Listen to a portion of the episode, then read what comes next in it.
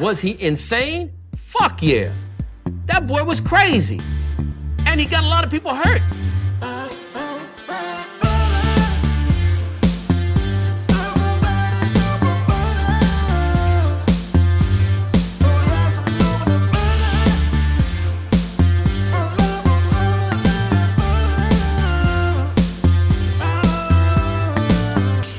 He doesn't like butter. I fucking love butter. I fucking love it. What's up, motherfuckers? What's up? What's up? Welkom bij een nieuwe aflevering van de Zonder van Tijd podcast. De podcast waarin ik niet alleen mijn eigen tijd, maar ook uw hele kostbare tijd ga verdoen met het uitkramen van absolute onzin. Ik hoop dat deze podcast jullie treft. Blakende gezondheid, geluk, et cetera, et cetera, et cetera, et cetera. Voorbij hebben we al positieve gehad. Laten we het gekanker maar beginnen. Negativiteit. Ja, ja. Fucking hell, maar wat ben ik blij dat het mijn week in ieder geval afgelopen is, jongens. Ik sta op het punt om all out crazy te gaan. Ik heb een. ehm, het probleem is. Ik, ik heb een probleem waar wij vrij weinig mensen echt. eh, eh, die vrij weinig mensen begrijpen. En, en dat is een serieus iets. En mijn probleem is, is dat ik te slim ben. Ik ben te intelligent. Wat je niet zou gaan zeggen. Wat je niet zou zeggen aangezien het feit dat mijn bovengemiddelde hoogbegaafdheid gepaard gaat met het doen en, en, en zeggen van heel veel domme dingen. Maar daarachter schuilt een meer als bovengemiddeld intelligent persoon. En het frustrerende daarvan is, is dus als je niet het maximale haalt uit jouw bovengemiddelde intelligentie, dat je dus dan vaak in situaties terechtkomt dat je ehm, eh, te maken hebt met minder intelligente personen. Niet per se domme mensen, maar personen die minder intelligent zijn dan jij. En die hebben dan een hele directe invloed op, op jou als persoon. En eh, wat in principe helemaal niks mis mee is. Want ehm, iedereen is daar waar die verdient, waar die hoort te zijn. Eh, het feit dat ik, omdat ze ooit tegen mij, in, eh, omdat ik ooit ergens in, eh weet ik van 1999 een IQ-test had gedaan, nee, niet 99, ik weet niet wat het was. Hij zei dat je dan top 1, 100, ach, wat was het nou, 132, 133? Dus volgens mij is dat top 5%, top 4%, ik weet niet meer hoeveel. Ah, fijn. Op basis daarvan heb jij geen rechten, heb jij niks te eisen, heb jij niks te claimen. Dus daar, dat idee probeer ik absoluut niet de wereld in te helpen. Maar het is, is wel dus zo dat eh,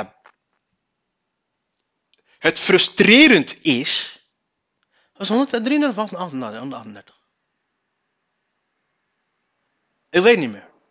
Zeg toch genoeg over hoe fucked up mijn brein achteruit is gegaan. Ah, fijn. Maar wat ik dus zeg is dat het echt voor fucked up is dat je dan in die situatie... Wat in principe niks mis mee is. Maar zodra het aankomt dus op het bespreken van complexe materie... Zoals eh, de meest complexe materie onderwerp om te bespreken... Is mijn persoon. Dat ben ik. En dan... Kunnen mensen dat niet begrijpen omdat het te complex is. Je kan ze uitleggen hoe je denkt, waarom je op bepaalde manieren, hoe je op bepaalde standpunten komt, waarom je iets net iets anders vindt dan wat hij of iets vinden. Eh, waarom je over bepaalde zaken net iets meer doorberedeneert. Waardoor je tot een andere conclusie kan komen of een insteek of weet ik veel wat. En dan moet je over bepaalde zaken praten en dan snappen mensen dat niet. En dan zullen mensen zeggen van ja, dan ligt het waarschijnlijk aan het feit van hoe je communiceert. eh, van, en hoe je. eh, ja, kijk, dat kan best wel kloppen. Maar als het om hele complexe materie gaat.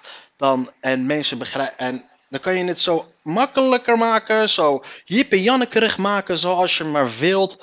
Maar sommige dingen zul je nou begrijpen. Je kan mij, weet ik veel. eh, als jij Japans. Bij Jippie Janneke Japans, dat begrijp ik dus nog steeds niet. Het heeft niks te maken met intelligentie, maar ik weet ook niet waar deze vergelijking op staat. Maar dat is dus het frustrerende. Dat is dus het frustrerende aan, eh, aan, eh, aan alles. En dan kijk je dan terug op je leven en denk je, godverdomme. Dit alleen al, dit soort situaties alleen al, is, is al reden genoeg geweest voor mij om, om, om harder, om meer uit mijn eh, hoe noem je dat? Eh, hoe noemen ze dat, ook weer? Een burger, nee, ehm, het, carrière tussen aanhalingsteken te halen op, op school of op werk of weet ik veel wat. Alleen al dit soort had je mij gezegd. Weet je, als ik er toen aan het begin, rond mijn 16e of mijn 18e, of laten we zeggen mijn 22e zo van barren luister eens. Als jij nu niet alles eruit haalt wat erin zit, dan kom jij in een bepaalde periode van je leven dat je te maken gaat krijgen dat jij eh, te maken dat jij moet luisteren, eh, als het ware tussen aanhalingstekens bevelen moet gaan opvolgen van mensen die niet snappen wat jij snapt. Althans, die niet snappen hoe jij denkt, die niet begrijpen hoe jij je denkt of hoe jij je voelt, die niet op jouw golflengte zitten. Kortom, ik ga het gewoon zo zeggen. Dat domme mensen gaan jou vertellen wat je moet gaan doen. Had je mij dat toen verteld? Had je mij dan toen kennis laten maken met de frustraties die dat oplevert, zoals nu op dat moment? Dan had ik dan op dat moment was ik gaan zitten en ik had toen volgens mij, geloof mij, ben ik, eh, zou ik mijn eigen laboratorium hebben gemaakt ergens zo binnen. En dan zou ik in één jaar tijd zou ik, zou ik toen de tijd was aids dodelijk, zou ik dat al hebben opgelost. Alle soorten kankermedicijn voor hebben, zou ik voor hebben uitgevonden. Ik zou eh, corona hebben uitgevonden, inclusief het medicijn. Ik zou alles uit, uit deze harde schijf hier bij mij eruit hebben geput.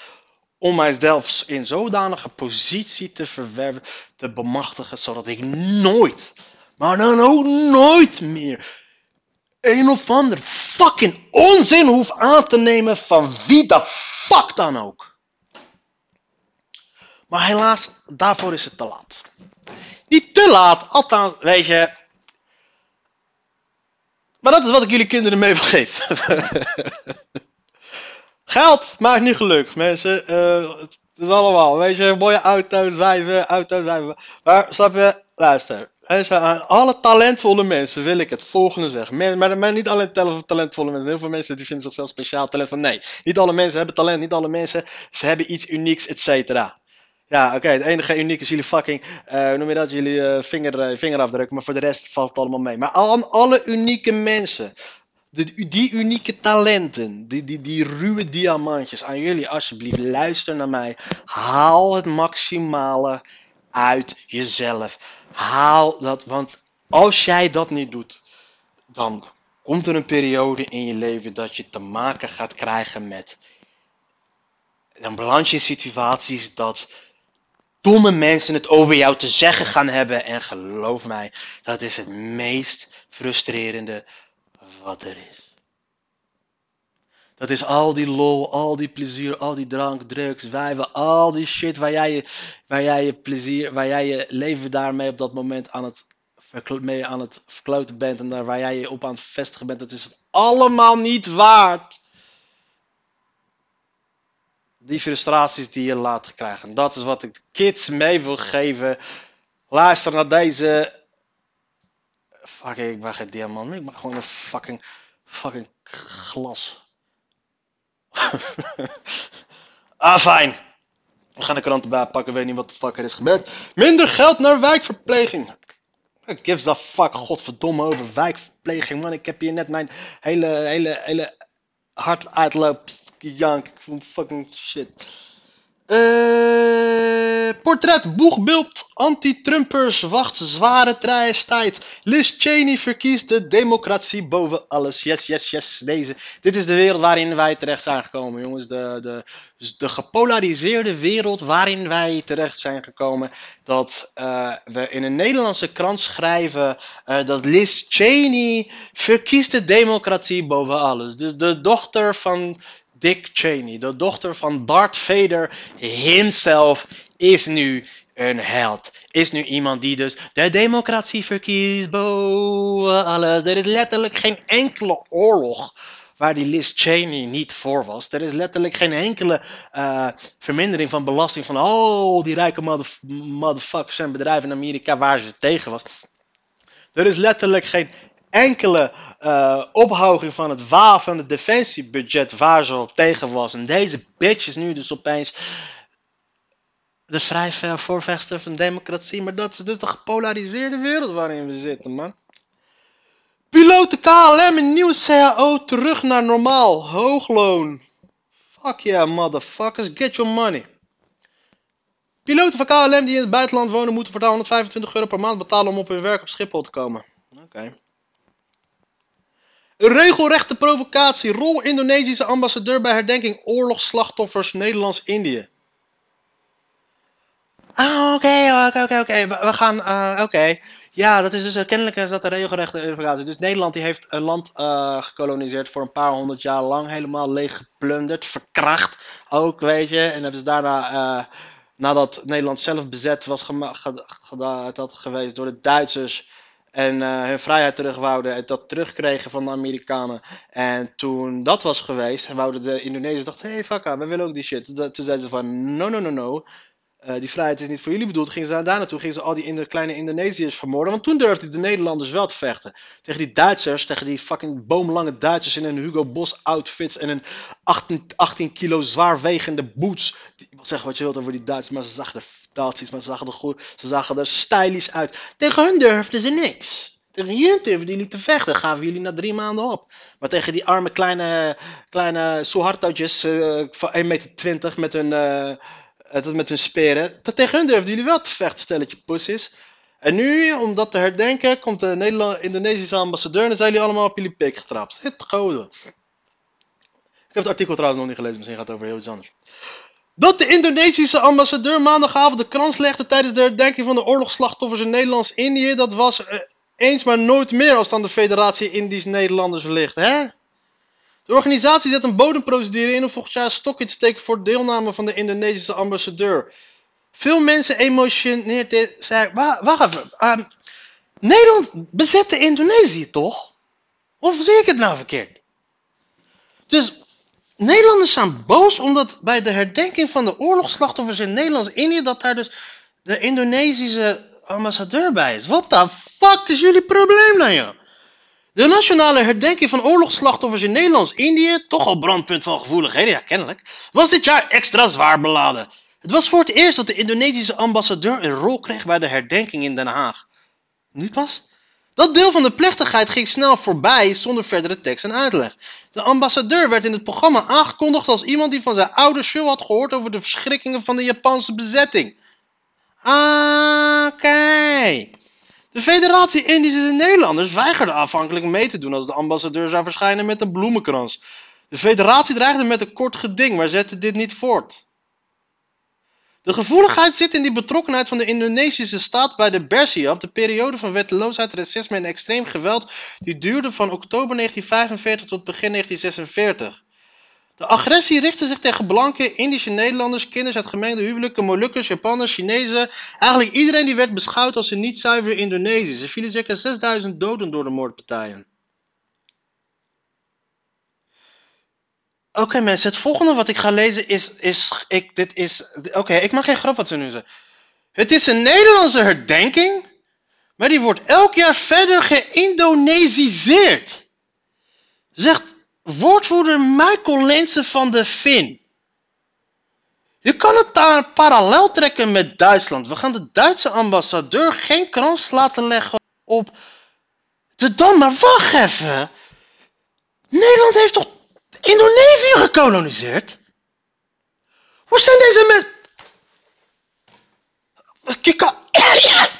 Geen parallel trekken. Bij de herdenking op de Dam ga je niet de Duitse ambassadeur een krans laten leggen bij de herdenking van de Nederlands-Indië. Waar zijn de... What the fuck? Oh mijn god. Deze mensen hebben een holocaust nodig. Oh mijn god, Adolf Hitler, waar ben je als we je nodig hebben? Oi, oi, oi, oi, oi, oi, oi, oi, oi.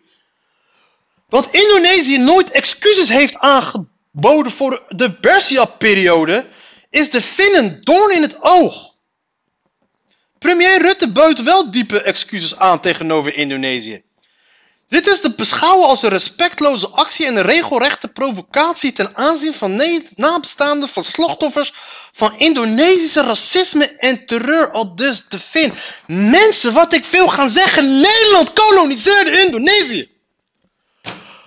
Oh mijn god, mensen, alsjeblieft. Lieve Allah. Ik heb, we hebben elkaar al lange tijd niet gesproken. Ik weet dat je boos op me bent. Ik weet dat ik de allerlaatste persoon ben die jou alsjeblieft mag vragen. Alsjeblieft, zou je alsjeblieft Genghis Khan, Napoleon, Adolf Hitler, het maakt niet uit welke persoon dan ook, weer terug kunnen reïncarneren, terug kunnen sturen om deze mensen van de Federatie Indonesië, in de in, Indische Nederlanders helemaal van de aardbe... Ah, Alsjeblieft, alsjeblieft, waar zijn deze mensen nou serieus? Dit is... De hele gang van zaken getuigt van een stuitend gebrek aan empathisch vermogen. Dames en heren, dit is niet te speld. De federatie besloot onder protest aanwezig te zijn bij de herdenking. Uit respect voor slachtoffers. Zonder aan de aanwezige leven verschillende visies op de omstreden kranslegging. Ik heb niet zo'n moeite met die kranslegging, zegt muzikant Jimmy Tielman, die optrad bij de herdenking. Het gaat om de mensen en hun emoties. Daar moet je niet te veel mengen met ideologische kwesties. Het gaat om de verhalen die we niet moeten vergeten, zoals, zoals dat van mijn overgrootvader Marinus Hollard. Die is onthoofd vlak voor de bevrijding. Boven de herdenking hangt sinds februari nog een ander donderwolk. Het onderzoek van dit jaar naar wandaden van Nederlandse militairen tijdens de onafhankelijkheidsoorlog in Indonesië. Oh ja, oh ja, oh ja. Oh ja, dat gebeurde ook nog. Tussen 1945 en 1950, die volgde op de Bersiap, dus als het ware. Zeg maar, dat was een reactie op, op, uh, in februari kwam de onderzoeks met harde conclusies over structureel excessief geweld door Nederlandse soldaten met medeweten van de militairen en de politieke top. En dan lopen die hoerenkinderen van de Federatie Indonesische Nederlanders, die hebben het dan opeens over vergelijkingen trekken met de nazi's en over Duitsers die de dam gaan lopen leggen. Wat de fuck is er aan de hand met deze mensen? Maar er was ook kritiek. Oh nee joh, serieus. De vraag waarom sprake was van excessief geweld wordt niet beantwoord, zei oud-commandant en generaal bij... Oh nee, wacht even. Vraag waarom excessief geweld was van de Nederlandse kant. Ik dacht het gaat even... Oh, waarom waren die Indonesiërs zo boos? Oh nee, die vraag willen we niet beantwoorden. Zij oud-commandant en generaal buitendienst Marten Cruijff in de Tweede Kamer. Veteranen waren ook woedend dat alle militairen die hadden gediend in Nederlands-Indië werden afgeschilderd als oorlogsmisdadigers. Zo ja, omdat ze dat ook waren. De studie was onevenwichtig omdat het Indonesisch geweld onder belicht bleef, vonden ze. Ja, omdat de Indonesiërs hun kankerland aan het verdedigen waren. Wat de fuck is er met deze mensen aan de hand? Kunnen jullie merken dat ik fucking gefrustreerd ben en geïrriteerd ben? Godverdomme, wat kan ik mij irriteren aan deze motherfuckers? Wat de fuck is er met ze aan de hand? Laten we even een artikel lezen over wat normale mensen, weet je, met, met gezond verstand. De revolutionaire garde in Iran heeft een hele lange arm. De dader van de aanval op Salman Rushdie stond in contact met leden van de Iraanse revolutionaire garde, de gevreesde elitemacht die verantwoordelijk wordt gehouden voor de terreurdaden in het buitenland. Even serieus, ik kan er echt oprecht niet met mijn hoofd bij van wat ik net aan het lezen was. Ik kon er oprecht niet bij ze bij. Oh, Willy, Willy, Willy, Willy, Willy, Willy. Het, is, het zijn zelfs diezelfde Nederlanders die, die, die, die lopen goed te praten. Marten Kruijf, hé, hey, Marten Kruijf, je moeder. Ja, je moeder. Oh ja, er wordt niet verteld waarom er excessief geweld werd gebruikt. Ja, er werd fucking excessief geweld gebruikt omdat jullie niet wouden dat die Indonesiërs hun land niet terug waren. En die Indonesiërs vochten voor hun land en die hadden het volste recht om elke Nederlander koud te maken, te villen, te onthoofden, te spiezen en inclusief de hele families die daar waren. Ik roep niet op tot excessief geweld, maar als de Nederlandse, Nederlandse regering burgers daar naartoe stuurt op een gebied waar zij niet thuis horen, dan is het de verantwoordelijkheid van de Nederlandse regering als Indonesiërs boos worden, want je zit op hun land. Je pakt hun spullen af, dan maken ze je koud. En dan moet je niet 75 jaar later lopen janken, lopen kankeren omdat jouw opa koud is gemaakt omdat hij daar kruidmuskaat ging lopen stelen. Flikker even motherfucking en top man, godverdomme. The fuck is er met deze mensen aan de hand?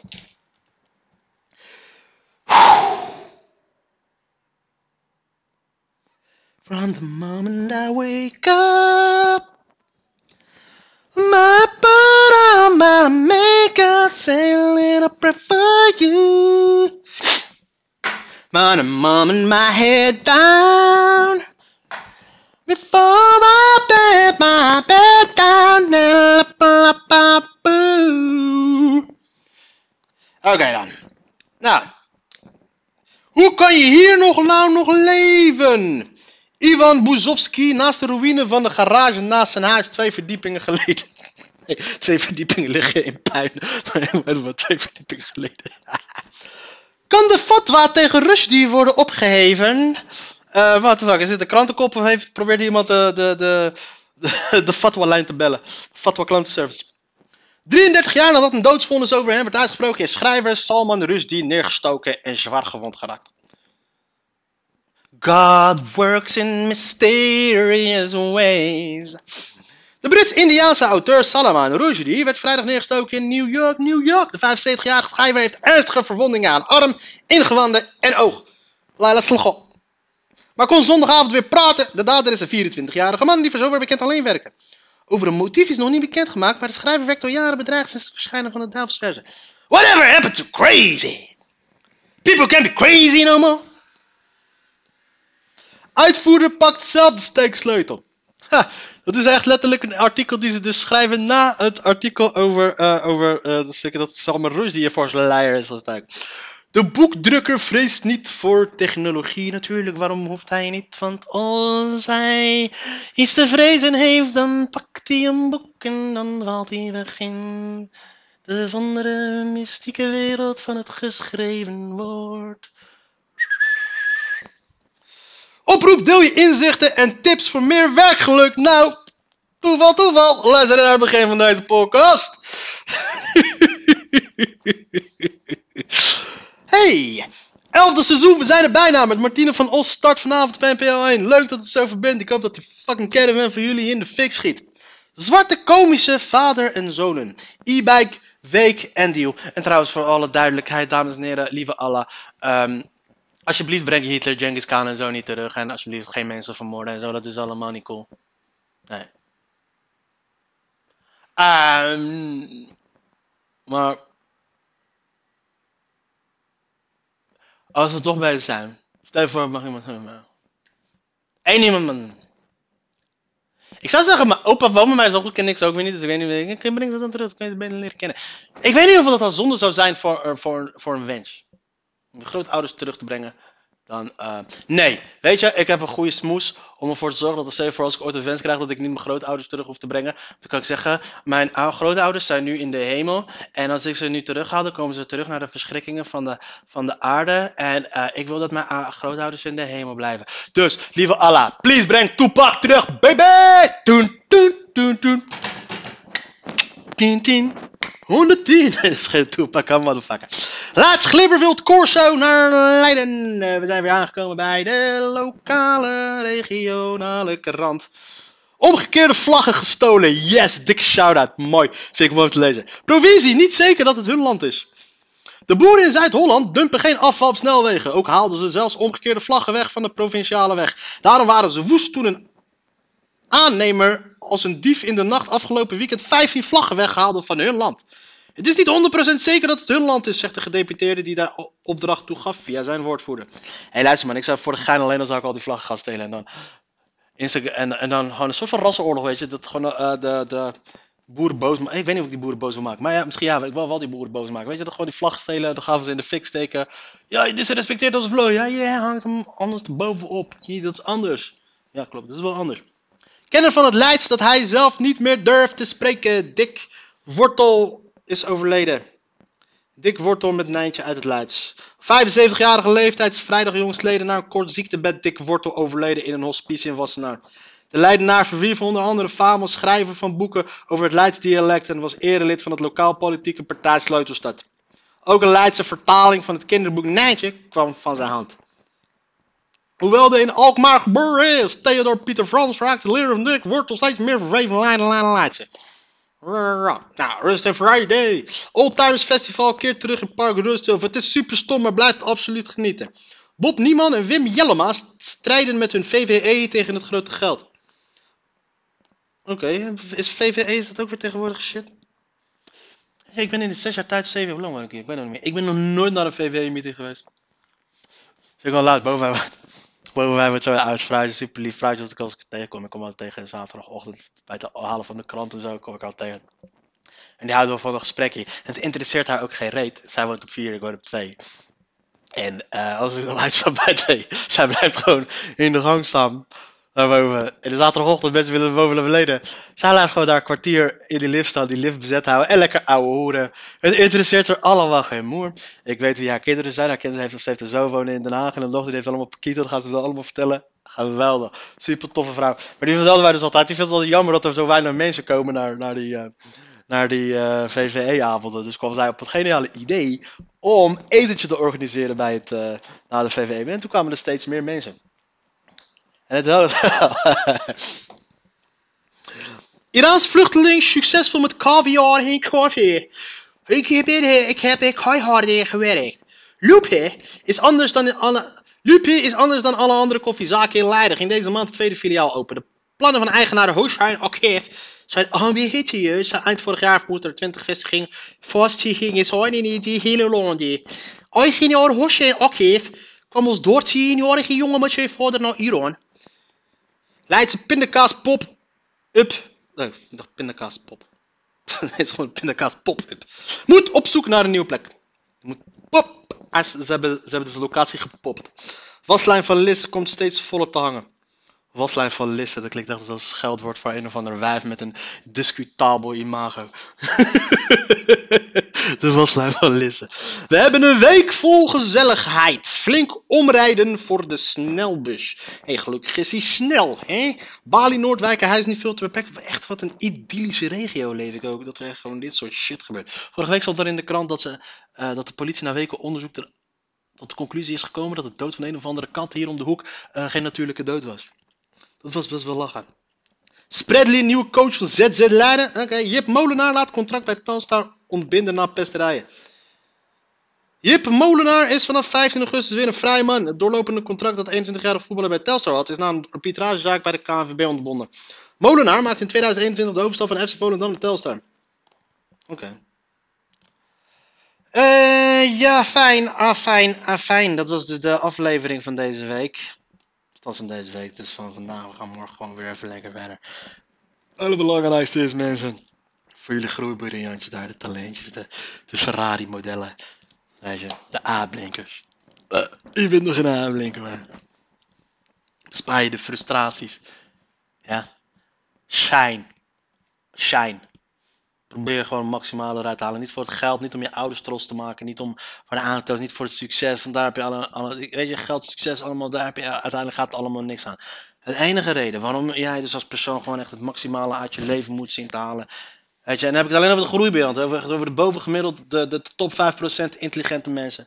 Is dat je niet moet voorkomen dat je ooit te maken gaat krijgen met mensen die dommer zijn dan jij. En die jou moeten gaan vertellen van hoe en wat en dat soort shit. En dat je, ondanks dat je met alles wat ze zeggen, alles wat ze kan beweren, kan weerleggen. Kan uitleggen dat het niet klopt.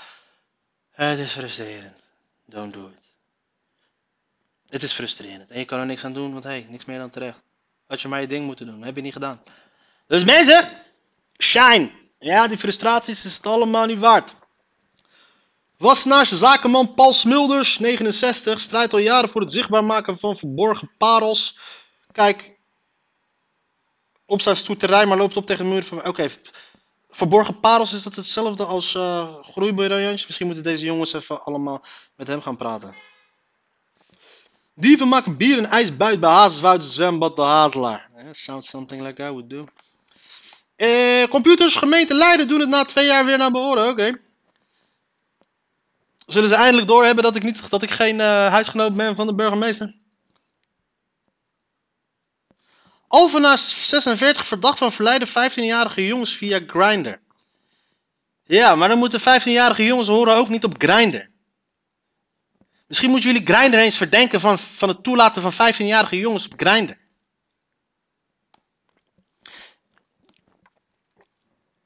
Zia is heel even kapitein van de Rainbow Show. Dat hadden we gisteren al gelezen allemaal. En zo rent voelt wel goed. De woede, dat moet er even allemaal uit. Fucking kanker Indonesië. Is helemaal gestart. Alsof je de Duitsers op de Dam het krans gaat lopen leggen. Waar zijn deze mensen helemaal kierenwiet of... Als je, mensen, ik heb het al gezegd, de wereld is finaal aan het doordraaien. Mensen worden met de dag gestolen. Mensen worden met de dag gekker, omdat we... Vroeger, die, die, gekke mensen werden gewoon genegeerd en dat soort. Maar nu kunnen gekke mensen kunnen zelf gewoon hun gekke shit lopen. Hé, oh wat moet ik zeggen, man? Het is gewoon fucking eh, gestoord. Het is crazy. Mensen, voor de mensen die ehm, nog steeds nu aan het luisteren zijn, voor jullie wil ik hartstikke bedanken voor de tijd en energie die jullie hierin hebben gestoken. Maar ik moet jullie toch wel even adviseren om toch wat met jullie leven te gaan doen, dames en heren. Echt wat beters. Jullie hebben toch wel wat beters te gaan doen dan luisteren naar deze hele motherfucking podcast, jongens. Want dit is en blijft per slot van rekening zonde van je tijd.